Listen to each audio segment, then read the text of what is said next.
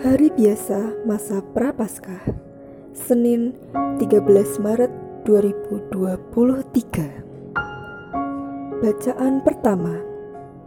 Bacaan diambil dari kitab kedua Raja-Raja Bab 5 ayat 1 sampai 15a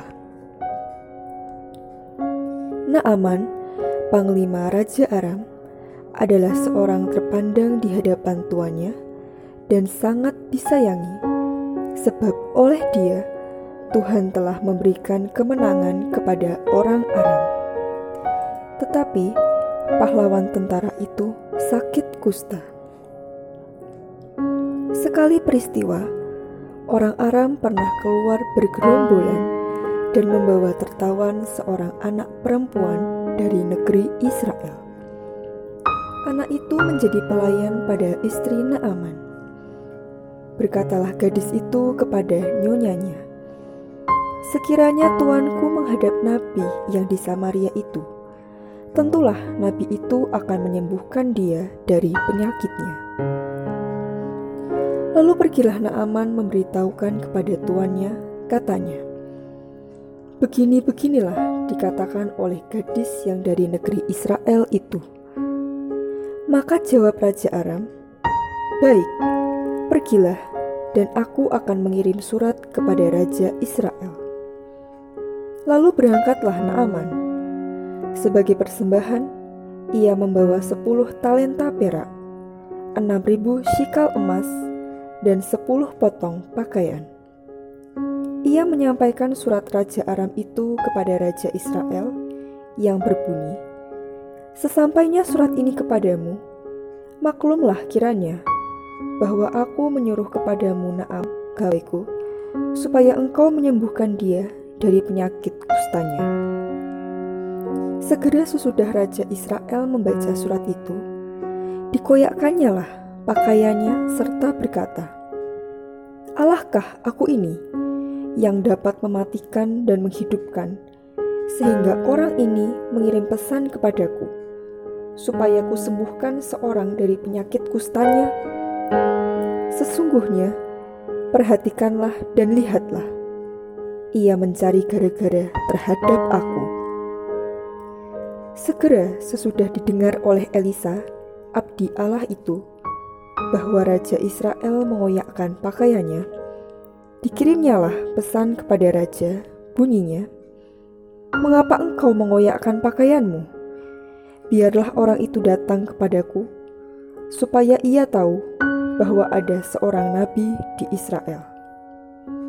Kemudian datanglah Naaman dengan kuda dan keretanya, lalu berhenti di depan pintu rumah Elisa. Elisa menyuruh seorang suruhan kepadanya, mengatakan, "Pergilah, mandi tujuh kali dalam sungai Yordan, maka tubuhmu akan pulih kembali." sehingga engkau menjadi tahir. Tetapi pergilah Naaman dengan gusar sambil berkata, Aku sangka setidak-tidaknya ia datang keluar dan berdiri memanggil nama Tuhan Allahnya, lalu menggerak-gerakkan tangannya di atas tempat penyakit itu, dan dengan demikian menyembuhkan penyakit kustaku. Bukankah Abana dan Parpar, sungai-sungai Damsyik, lebih baik dari segala sungai di Israel? Bukankah aku dapat mandi di sana dan menjadi tahir? Kemudian berpalinglah ia dan pergi dengan panas hati. Tetapi pegawai-pegawainya datang mendekat serta berkata kepadanya, Bapak, seandainya nabi itu menyuruh perkara yang sukar kepadamu, bukankah Bapak akan melakukannya? Apalagi sekarang, ia hanya berkata kepadamu, "Mandilah, dan engkau akan menjadi tahir." Maka turunlah Naaman, membenamkan dirinya tujuh kali dalam sungai Yordan, sesuai dengan perkataan abdi Allah itu. Lalu pulihlah tubuhnya kembali seperti tubuh seorang anak, dan ia menjadi tahir. Kemudian kembalilah Naaman dengan seluruh pasukannya kepada abdi Allah itu Sesampainya di sana, majulah ia ke depan Elisa dan berkata, "Sekarang aku tahu bahwa di seluruh bumi tidak ada Allah kecuali di Israel. Karena itu, terimalah kiranya suatu pemberian dari hambamu ini. Demikianlah sabda Tuhan.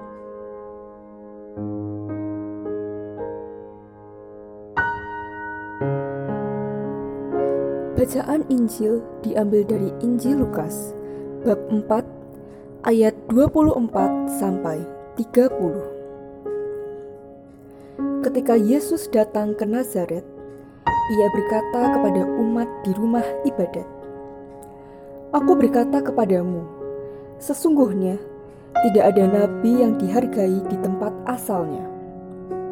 Tetapi aku berkata kepadamu, dan kataku ini benar: pada zaman Elia terdapat banyak janda di Israel. Ketika langit tertutup selama tiga tahun dan enam bulan, dan ketika bahaya kelaparan yang hebat menimpa seluruh negeri. Tetapi Elia diutus bukan kepada salah seorang dari mereka, melainkan kepada seorang janda di Sarfat di tanah Sidon. Dan pada zaman Nabi Elisa, banyak orang kusta di Israel. Tetapi tidak ada seorang pun dari mereka yang ditahirkan selain daripada Naaman, orang Syria itu. Mendengar itu, sangat marahlah semua orang yang di rumah ibadat itu. Mereka bangun, lalu menghalau Yesus keluar kota dan membawa dia ke tebing gunung, tempat kota itu terletak, untuk melemparkan dia dari tebing itu. Tetapi Yesus berjalan lewat dari tengah-tengah mereka, lalu pergi. Demikianlah sabda Tuhan.